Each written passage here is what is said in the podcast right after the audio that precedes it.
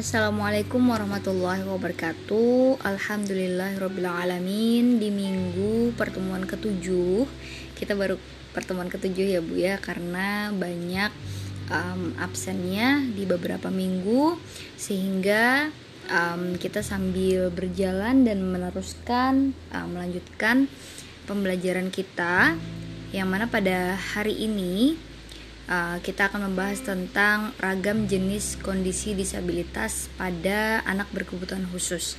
Ya. Pengertian anak berkebutuhan khusus, um, khususnya dalam konsep pendidikan inklusif ataupun pendidikan luar biasa, merupakan anak yang memerlukan layanan spesifik atau khusus ataupun intensif yang umumnya berbeda dengan anak um, e, normal ya. Anak berkebutuhan khusus itu pada dasarnya mengalami sebuah hambatan baik dalam aspek belajar maupun perkembangan. Oleh sebab itu, mereka memerlukan adanya layanan pendidikan yang bersesuaian dengan kebutuhan belajar masing-masing anak. Sebenarnya konsep anak berkebutuhan khusus ini tidak berbeda jauh dengan istilah atau konsep difabel di mana kita ketahui sebelumnya bahwa difabel itu differently able people. Seseorang dengan kemampuan um, kepemilikan kemampuan tapi uh, caranya yang berbeda gitu ya. Begitu pula dan anak berkebutuhan khusus, seseorang yang memiliki uh, kemampuan, seorang anak yang memiliki kemampuan hanya saja memerlukan um, apa kebutuhan khusus tersendiri gitu. Setiap orang juga pada dasarnya memiliki kebutuhan khusus masing-masing gitu jika kita ingin uh, menggeneralisasikan gitu ya apa arti berkebutuhan khusus itu. Nah, namun ABK di sini uh, lebih diartikan kepada anak yang memang ada tambahan kebutuhan khusus dalam uh, pemberian ataupun layanan khususnya uh, pendidikan misalnya. Nah, Kategori anak berkebutuhan khusus yang pertama itu ada sifatnya permanen, yang kedua itu ada sifatnya temporer. Permanen itu e, merupakan ABK dengan bawaan kelainan tertentu sejak lahir maupun selama dalam proses tumbuh kembangnya mengalami hambatan ataupun gangguan.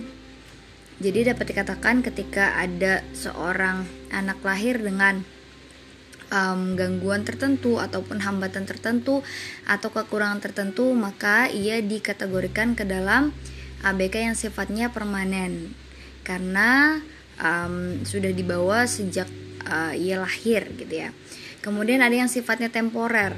Temporer ini lebih kepada um, anak yang memerlukan kebutuhan khusus karena kondisi dan situasi lingkungan misalnya anak yang uh, berada di wilayah terpencil ataupun terdampak bencana alam, anak um, yang uh, terdampak akibat kecelakaan, kemiskinan, uh, lingkungan yang terisolir gitu ya dan uh, dan lain sejenisnya, mereka membutuhkan layanan pendidikan khusus untuk um, dapat merasakan kesempatan hak uh, dan kesetaraan yang sama gitu. Nah, ketika um, ABK yang sifatnya temporer ini dapat diintervensi dan diatasi dengan tepat gitu ya, dengan sesuai, um, diharapkan keadaan mereka tidak akan menjadi permainan. Artinya uh, keadaan mereka yang berada di wilayah terpencil dan tidak mendapatkan pendidikan itu tidak terjadi selamanya gitu. Keadaan mereka yang um, apa ya? Tidak mendapatkan pendidikan akibat kemiskinan ataupun bencana alam uh, tidak uh, terjadi selamanya gitu. Jadi harus ada intervensi yang sifatnya memberikan layanan khusus um, terutama dalam hal pendidikan agar mereka tidak uh, menjadi permanen tadi sifatnya. Nah, kemudian ragam jenis kondisi disabilitas. Di sini ada delapan tangga yang saya gambarkan melalui PowerPoint yang sudah um, saya sebar pada grup kelas. Pertama, um, itu ada jenis uh, disabilitas netra ataupun gangguan indera penglihatan uh, atau sensori ya. Tunanetra ini merupakan merupakan gangguan daya penglihatan yang dapat berupa kebutaan baik menyeluruh, totally blind, tidak mampu sama sekali untuk melihat meskipun itu uh, cahaya dari luar gitu ya. Nah, mau hitam mau putih itu dia tidak uh, dapat melihat dan atau hanya kebutaan sebagian atau kurang awas. Jadi uh, tunanetra itu ada yang tadi namanya totally blind, benar-benar buta, tidak dapat menerima cahaya sedikit pun. Ada juga yang memang kebutaannya hanya setengah, uh, sebagian gitu ya. Kurang awas dalam arti uh, rabun dekat, rabun jauh itu termasuk sebenarnya ke dalam golongan tunanetra ya, seperti saya yang berkacamata misalnya, ataupun um, orang dengan um, apa? uh, penyakit mata tertentu yang menyebabkan dia tidak bisa melihat sebagian ya seperti katarak nah itu termasuk juga ke dalam golongan tunanetra dalam definisi ini sehingga uh, keadaan tunanetra ini uh, apabila sampai menghambat kepentingan hidup sehari-hari maka um, apa mereka termasuk uh, dalam um, jenis yang membutuhkan layanan secara khusus. Nah, adapun ciri sorong dan gangguan indera penglihatan dapat diketahui melalui beberapa kondisi. Pertama, ketajaman penglihatannya atau visusnya kurang dari orang awas, ukuran orang normal. Uh, misalnya orang normal dapat uh, membaca dalam jarak uh, 3 meter sedangkan dia hanya bisa membaca ataupun um, uh, maaf melihat objek ya dari jarak paling dekat 3 meter sedangkan dia hanya mampu untuk melihat uh, sebuah objek misalnya dari jarak 1 meter kurang. Nah, itu uh, dinamakan ketajaman penglihatan yang uh, di bawah atau rendah daripada orang awas. Yang kedua, lensa mata terlihat keruh um, terlihat keruh ini atau terdapat cairan. Jika ibu-ibu uh, pernah melihat uh, seseorang dan tunanetra, maka terkadang kita melihat bola matanya itu atau di area matanya uh, kerap kali basah atau keruh gitu ya matanya itu yang putihnya itu. Kemudian juga uh, sering terdapat cairan gitu ya. Nah, itu salah satu ciri-ciri orang tunanetra. Yang ketiga, posisi mata sulit untuk dikendalikan oleh saraf otak.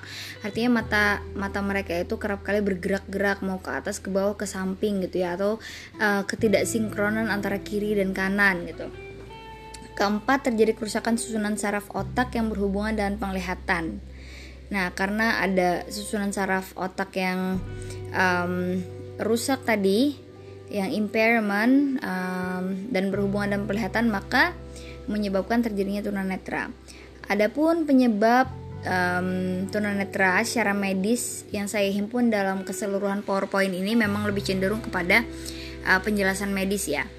Tentunya ada faktor internal dan faktor eksternal. Faktor internal internal dari keseluruhan uh, jenis kondisi disabilitas ini um, kurang lebihnya adalah seperti faktor bawaan, kekurangan gizi, psikis ibu, kemudian juga um, keracunan obat, um, maupun faktor eksternal eksternal faktor luar luar seperti kecelakaan penyakit setelah lahir gitu ya pengaruh um, alat bantu medis pada saat kelahiran kekurangan vitamin dan gizi hingga peradangan karena bakteri dan virus selama um, seseorang tersebut uh, tumbuh dan berkembang. Lantas bagaimana perkembangan anak tunanetra? Pertama dari segi kognitif, secara umum akibat dari tunanetra yang dialami anak itu cenderung mengalami uh, keterlambatan dalam capaian akademik dan pembelajaran ya. Karena tadi ketidakutuhan fungsi indera kerap kali membatasi rangsangan informasi yang masuk ke otak ada informasi, uh, ada pesan yang masuk uh, melalui visual kita itu tidak dapat ditangkap secara utuh yang menyebabkan apa yang dicerna, apa yang dihimpun dalam uh, pikiran mereka itu uh, kerap kali konsepnya tidak utuh. Nah, sehingga menyebabkan beberapa keterlambatan uh, dan apa ya kekurangan dalam capaian akademik atau akademik yang rendah. Yang kedua, perkembangan motorik. Begitu pula dengan perkembangan motorik yang cenderung juga lamban karena ketiadaan keserasian antara koordinasi fungsional sistem saraf dan otot. Adapun kematangan secara fisik dapat saja diperoleh dan barangkali hampir sama dengan orang awas. Jadi walaupun kita melihat seorang tunanetra um, yang mengalami kebutaan um, di mata gitu ya, baik total maupun sebagian, uh, kita lihat secara fisik lainnya itu tidak masalah, artinya tidak jauh berbeda dengan orang normal pada umumnya. Hanya saja kerap kali kita melihat uh, gerak-gerik mereka cenderung lamban uh, karena harus uh, seperti misalnya lebih dulu meraba uh, jalan ketika hendak berjalan ataupun um, uh, apa ya, iya lebih banyak meraba ketika ingin melakukan sesuatu karena tadi uh, pengenalan mereka terhadap objek itu kan um, apa dirasakan dialami secara perlahan gitu. Yang ketiga, perkembangan emosi pada tunanetra dapat saja terganggu karena kurangnya kesempatan untuk menghayati pengalaman dan ragam jenis emosi baik yang menyenangkan maupun tidak. Nah, ini banyak sekali ya beberapa uh, statement yang mengatakan bahwa orang tunanetra itu cenderung uh, pemarah ataupun cenderung um, arogan karena um, salah satunya ya ini tadi. Mereka tidak uh, berkesempatan penuh untuk menghayati pengalaman emosi baik itu yang baik dan buruk gitu. Mau merasakan kesedihan kemarahan bahagia kesal dan lain sejenisnya gitu kan. Mereka tidak uh, dapat melihat secara langsung dan merasakan secara utuh gitu. Itu yang menyebabkan terkadang emosi mereka naik turun emosi mereka uh, tidak stabil ketika ada orang yang uh, baru bertemu ataupun uh, apa ya mendapati sesuatu hal itu lekas tersinggung gitu. Nah itu karena emosi yang um, pengalaman emosi yang tidak utuh tadi. Pada dasarnya um, emosi ini secara umum setiap orang juga mengalami gitu ya um, mau orang normal maupun yang um, mengalami kondisi disabilitas gitu. Nah hanya saja pada individu dengan tunanetra ini um, kerap kali mereka seperti apa ya terkejut gitu dengan um, pengalaman emosi yang terkadang baru mereka rasakan sehingga ada memicu sedikit uh, keberlainan gitu dalam respon. Yang keempat, perkembangan sosial. Ini sangat bergantung pada bagaimana perlakuan dan penerimaan lingkungan sekitar ia tinggal sehingga untuk sampai pada kemampuan bertingkah laku yang sesuai dengan ekspektasi dan norma itu memang diperlukan sekali dukungan dan motivasi yang luas dari masyarakat sekitarnya gitu kalau kita ingin anak dengan tunanetra ataupun seorang dengan tunanetra dapat uh, bersosial dan baik, ya pertama lingkungan sekitar kita juga harus mendukung. Bagaimana kita memperlakukan dia, bagaimana kita um, bergaul dengan dia ya yang tidak menyinggung perasaannya tadi, tidak menyurut emosinya gitu kan. Nah, itu akan uh, menumbuhkan apa ya kemampuan sosial yang baik gitu terhadap anak tunanetra ataupun individu dengan tunanetra. Membuat mereka menjadi tidak minder, membuat mereka menjadi percaya diri, membuat mereka menjadi uh, termotivasi, membuat mereka menjadi lebih uh, menata emosi. Nah, itu penting sekali dukungan dan um, perlakuan serta penerimaan lingkungan sekitar um, masyarakat ia tinggal. Selanjutnya, jenis disabilitas yang kedua adalah tunarungu atau tunawicara ya atau gangguan fungsi pendengaran. Tunarungu ini merupakan sebuah kondisi di mana seseorang berbicara tanpa suara yang memang tidak ada suara sama sekali ataupun e, menunjukkan artikulasi yang kurang jelas ya. Barangkali ibu-ibu semua pernah mendapati ada e, seorang anak yang e, totali bisu ataupun ia mampu berbicara tapi artikulasi kata-katanya tidak sangat tidak jelas atau bahkan tidak berbicara sekali sama sekali hanya memberi isyarat gitu ya isyarat tangan. Nah gangguan pendengaran ini terbagi menjadi tiga tingkatan. Ada yang namanya tunarungu ringan sedang dan berat. Ya ini diukur melalui otoritas atau kapasitas atau wewenang dari perangkat medis Nah, ukuran desibelnya ada um, ringan itu dari berapa sampai berapa desibel gitu, sedang berapa sampai berapa desibel dan berat itu berapa. Nah, tunarungu ini terjadi uh, juga dapat saja pada bagian telinga luar atau tengah maupun bagian telinga dalam yang menghambat hubungan saraf otak. Nah, itu salah satu uh, letak uh, penyebab tunarungu ya bisa di bagian telinga luar saja luar dan tengah ataupun bagian dalamnya gitu. Ciri seseorang dan tunarungu atau bi wicara biasanya memiliki daya ingat jangka pendek ya khususnya terhadap informasi yang berurutan. Karena apa? Karena informasi yang mereka dengar mereka serap sekali lagi sebagaimana tunanetra tidak um, apa terhimpun secara utuh tadi. Sehingga um, apa yang mereka tangkap mereka ingat mereka dapati um, itu sifatnya apa ya? Sifatnya sebentar sekali sementara gitu. Nah kemampuan verbal atau bahasa juga rendah.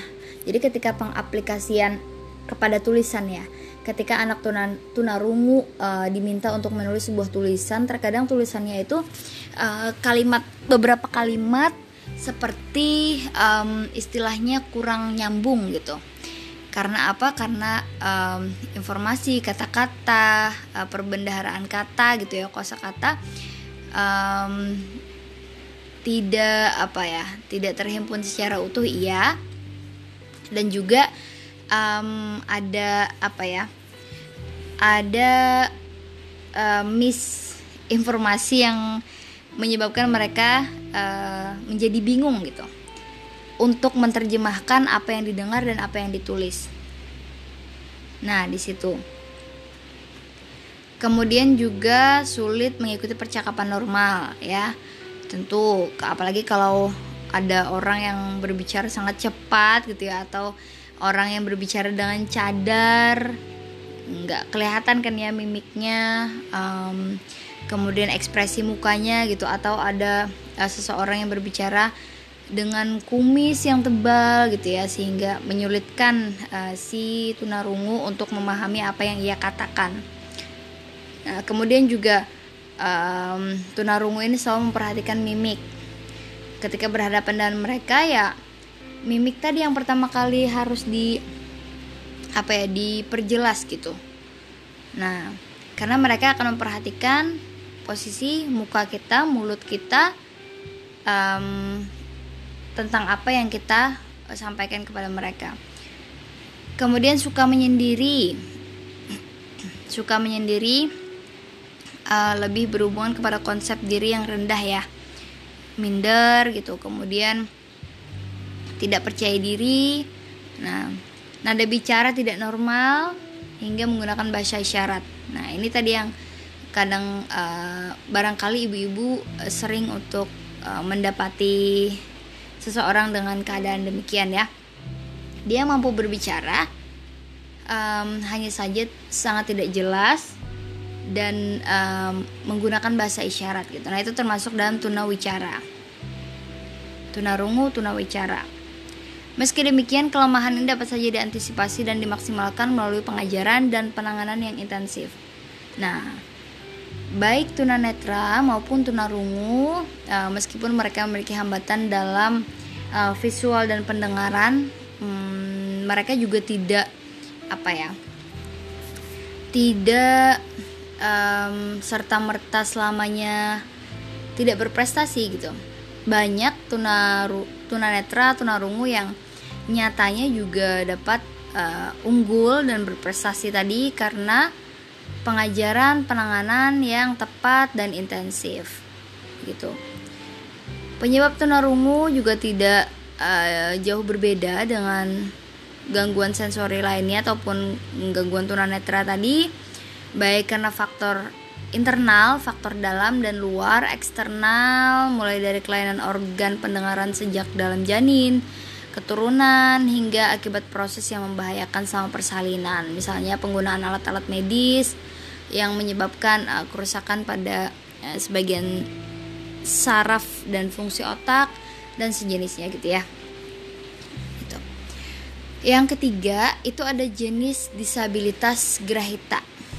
atau kerap kali tunagrahita ini disebut dengan um, keterbelakangan mental atau kelainan kecerdasan. Nah, tunagrahita ini juga terkadang um, dia menjadi double gitu, menjadi tunaganda dengan misalnya uh, grahita dan Down syndrome gitu, atau um, ya kebanyakan grahita dan Down syndrome. Maka itu dinamakan tunaganda ya.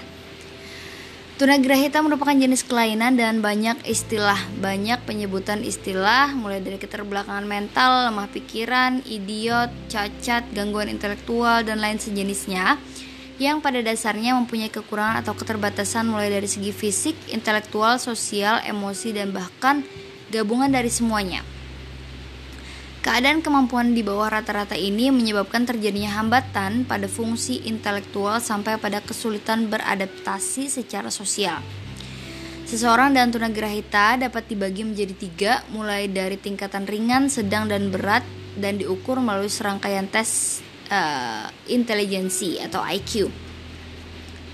Meskipun berbeda tingkatan ya, namun tetap pada dasarnya um, seseorang dan tunagrahita itu memiliki ketidaksesuaian antara chronologic age dan mental age. Jadi antara usia kronologis dan usia mentalnya itu jauh berbeda.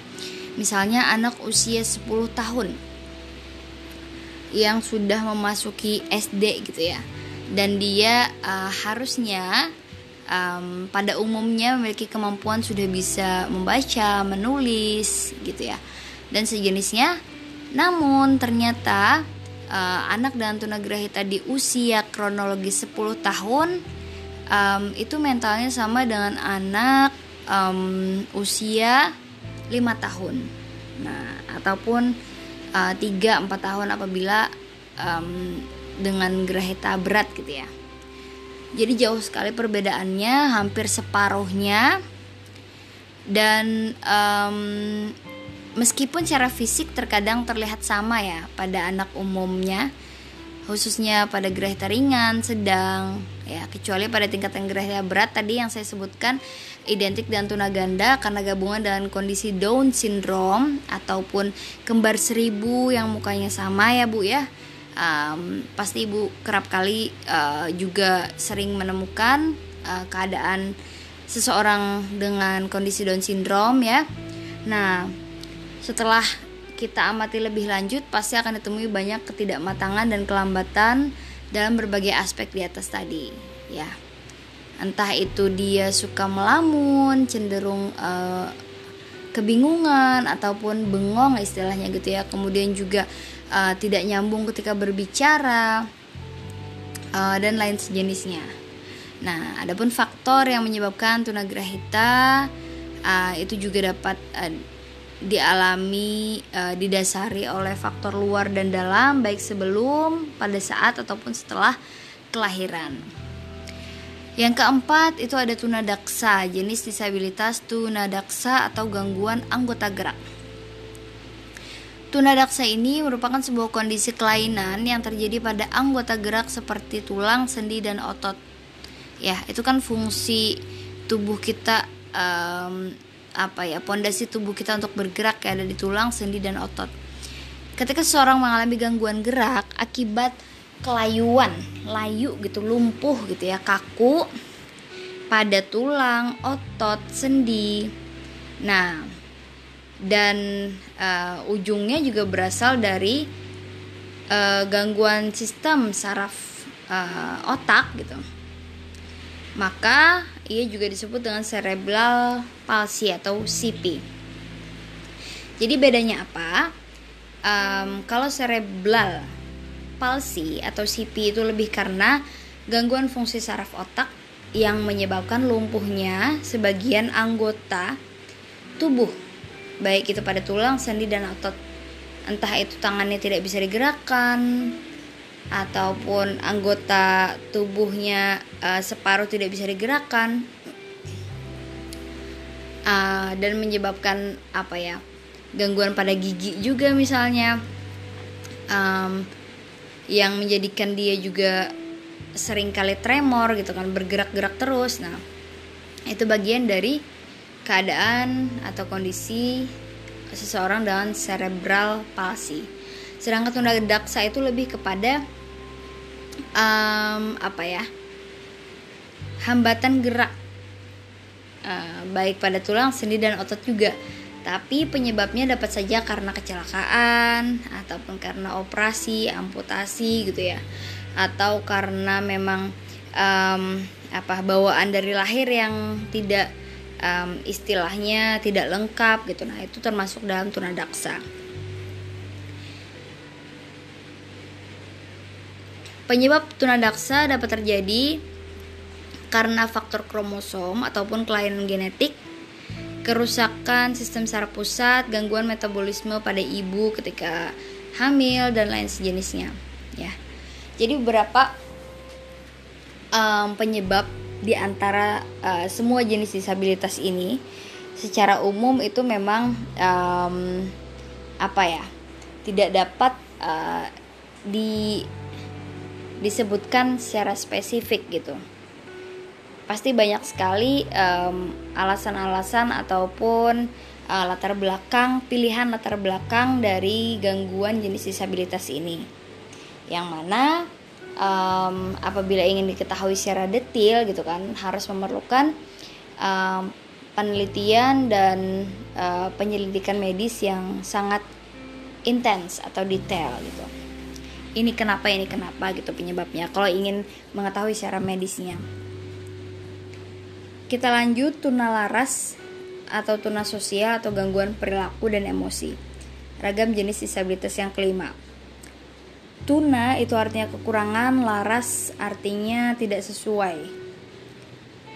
Sesuai ya, laras itu sesuai. Jadi tuna laras itu kekurangan uh, sesuai artinya ketidaksesuaian dalam hal dalam hal tingkah laku, perilaku yang bertentangan pada norma uh, dan lingkungan secara umum, ya.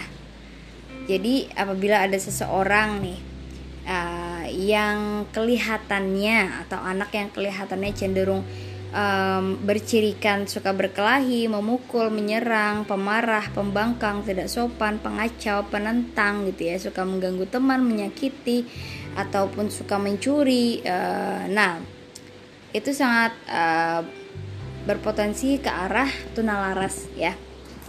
Lebih kepada perilaku yang uh, kurang elok gitu di mata uh, masyarakat secara umum.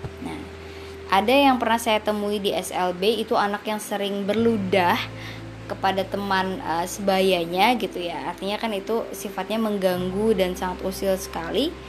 Um, pada akhirnya ia digolongkan ke dalam kategori anak tunalaras gitu.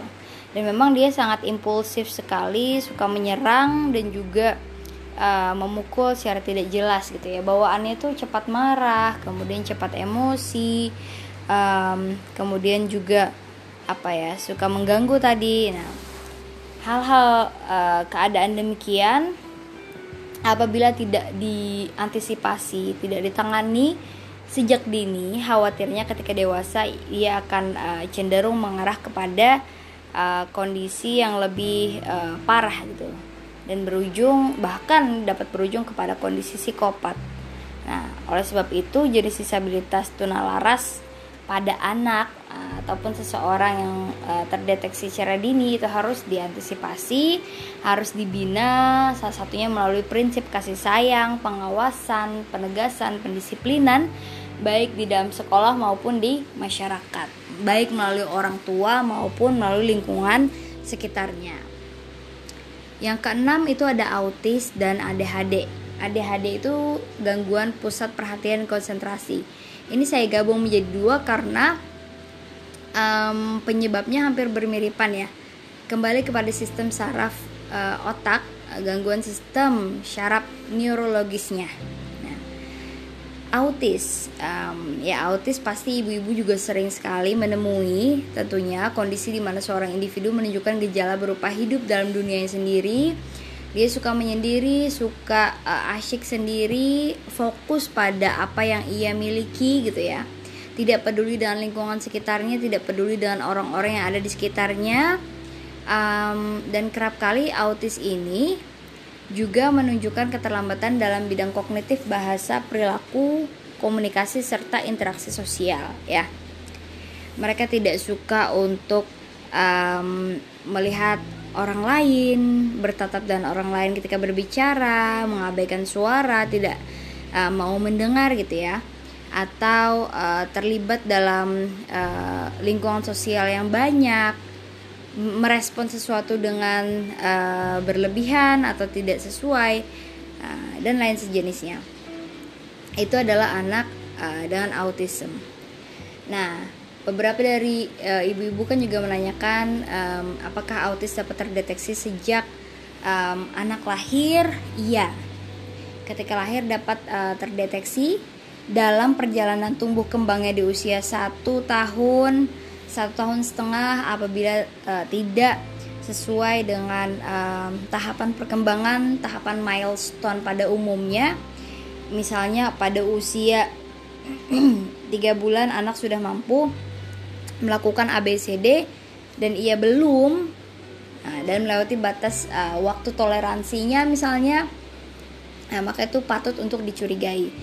Semakin kita curiga ataupun suspek lebih dini maka itu semakin um, membuat atau mendorong um, percepatan intervensi um, agar dapat memberikan penanganan yang tepat gitu. Agar dapat apa ya um, memberikan terapi yang tepat sehingga kondisi autisme ini tidak menjadi semakin berat ya ada anak yang misalnya sudah dua tahun ia tidak uh, mampu berbicara sepatah kata pun kemudian juga secara sosial dia tidak um, mas apa ya tidak mau bergaul dengan teman sebayanya yang seharusnya dia sudah mulai tertarik dengan teman sebayanya misalnya atau bermain bersama. Nah, kemudian apabila dibiarkan, maka kondisi tersebut akan memperparah um, apa ya, akan semakin parah gitu. Ketika di usia-usia selanjutnya, apabila tidak dilakukan, diambil tindakan terapi perilaku misalnya terapi perkembangan nah itu sangat penting sekali. Ya. Itu salah satu bagian dari cara menangani anak autis yang lebih berfokus pada terapi tadi sedini mungkin supaya dapat meminimalisir gejala yang dialami.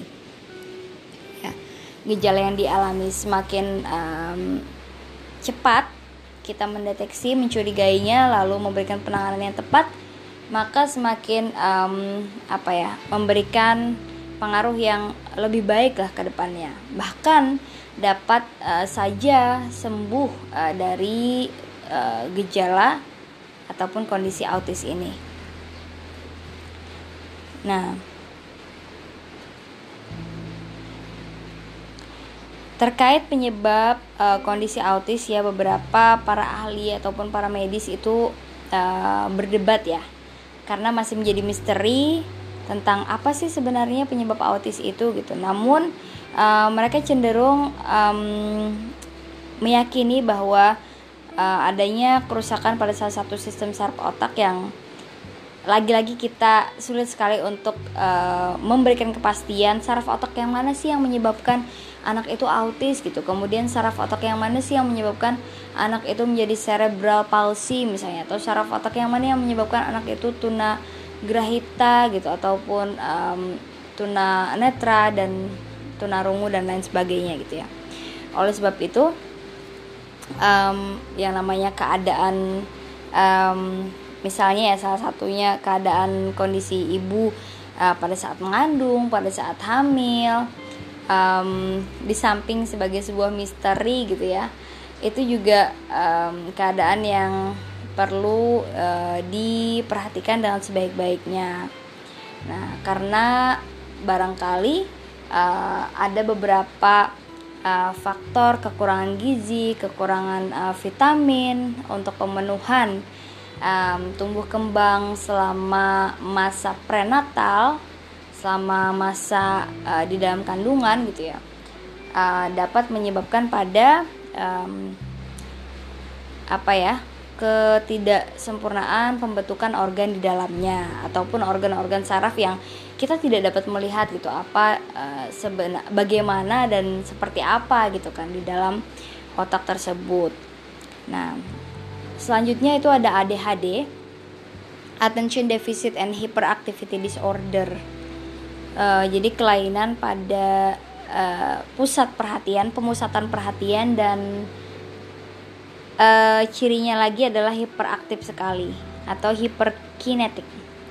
Jadi keadaan ini um, lagi-lagi berasal dari disfungsi neurologis atau kerusakan kecil pada sistem saraf otak atau sistem saraf pusat sehingga menyebabkan anak atau seseorang tersebut tidak dapat berkonsentrasi secara penuh ya. Um, ingatannya daya ingatnya sangat pendek dan sulit dikendalikan gitu. Ada sesuatu hal yang membuat ia itu uh, sangat memiliki energi untuk terus bergerak untuk terus melakukan beragam aktivitas tanpa kenal lelah gitu ya bagus uh, dan memang baik saja gitu. Kan namun apabila berlebihan uh, dan tidak dapat dikendalikan lagi uh, bahkan mengarah pada sifat yang impulsif maka itu termasuk dalam golongan ADHD ini tadi. Nah ADHD ini juga um, seperti autis tadi sebagaimana autis dapat diminim diminimalisir melalui uh, serangkaian terapi rutin uh, yang dilakukan untuk uh, mengajarkan, membiasakan dan uh, memfokuskan pusat perhatiannya tadi. Jadi lama kelamaan seiring uh, tumbuh kembangnya masih berjalan gitu ya di usia dari uh, bayi, kemudian kanak-kanak, anak-anak, remaja uh, dan sambil dilakukan terapi gitu keadaan ADHD itu akan berkurang. Karena um, saya um, memiliki pengalaman ya memiliki keluarga uh, yang mempunyai anak ADHD um, penyebabnya apa? Kalau dari uh, teori yang kita dapatkan itu karena gangguan neurologis tadi ya. Kalau dari uh, ungkapan yang disampaikan oleh um, ibunya karena um, banyaknya konsumsi obat uh, selama kehamilan. Artinya uh, selama hamil itu ia cenderung um, sering sakit kemudian uh, membuat ia untuk uh, mengharuskan ia untuk mengkonsumsi berbagai macam obat yang barangkali itu tidak uh, sesuai atau kontradiktif dengan uh, kebutuhan ibu hamil gitu atau berefek samping um, sedikit banyaknya terhadap uh, janin gitu ketika di dalam kandungan ataupun uh, mengalami um, keracunan di dalam kandungan dan sejenisnya gitu nah itu uh, kalau dari ungkapan si orang tua gitu ya nah ada juga um, ungkapan lainnya menyebutkan bahwa karena faktor stres gitu depresi ya, sehingga um, menyebabkan anak mengalami kondisi ADHD ini. Nah, namun um, ia uh, tidak apa ya tidak patah semangat uh, tidak malu gitu ya uh, tidak tidak apa ya istilahnya ya tidak ya tidak malu untuk mengakui keadaan tersebut gitu. Dan berusaha untuk mencari pertolongan kepada medis yang berwenang tentunya uh, bagaimana cara um, mengatasi atau meminimalisir kondisi ADHD ini sehingga setiap pekannya si anak uh, dibawa ke terapis uh, psikolog untuk uh, dilatih pusat perhatiannya. Latihannya itu seperti uh, memasukkan bola ke dalam keranjang gitu selama um, beberapa menit gitu 15 menit. Nanti memasukkan pensil ke dalam lubang. Bagaimana dia itu uh, fokus gitu kan dalam jangka waktu uh, yang sebentar kemudian ditingkatkan lagi sampai akhirnya lama dan sekarang seiring uh, tumbuh kembangnya uh, yang dulunya ketika usia 2 tahun, 3 tahun itu sangat hiperaktif sekali, dia tidak takut terhadap sesuatu apa pun gitu kan.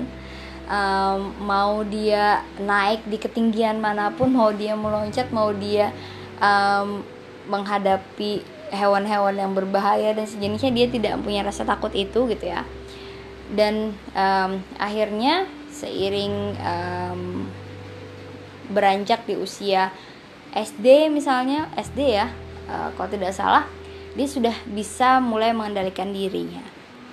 Ya tidak lagi uh, sebagaimana uh, hiperkinetik pada waktu ia usia uh, batita gitu.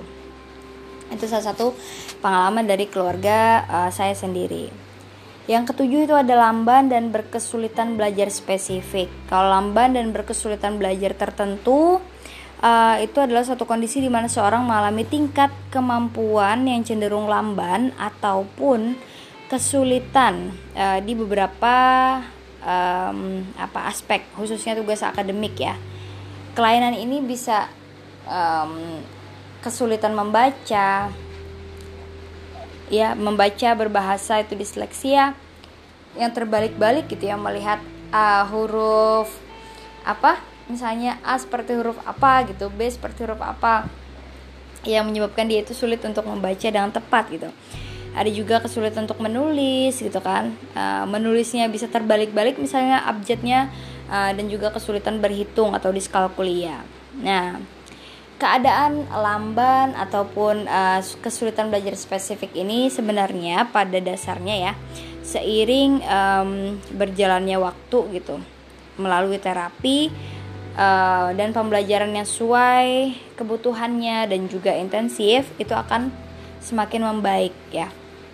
Meskipun kesulitan belajar spesifik ini uh, diungkap uh, disampaikan disebutkan uh, terjadi karena perbedaan fungsi pada bagian otak yang mengatur informasi tentang kebahasaan logika dan juga gambar. Lagi-lagi masalah neurologis ya Bu ya.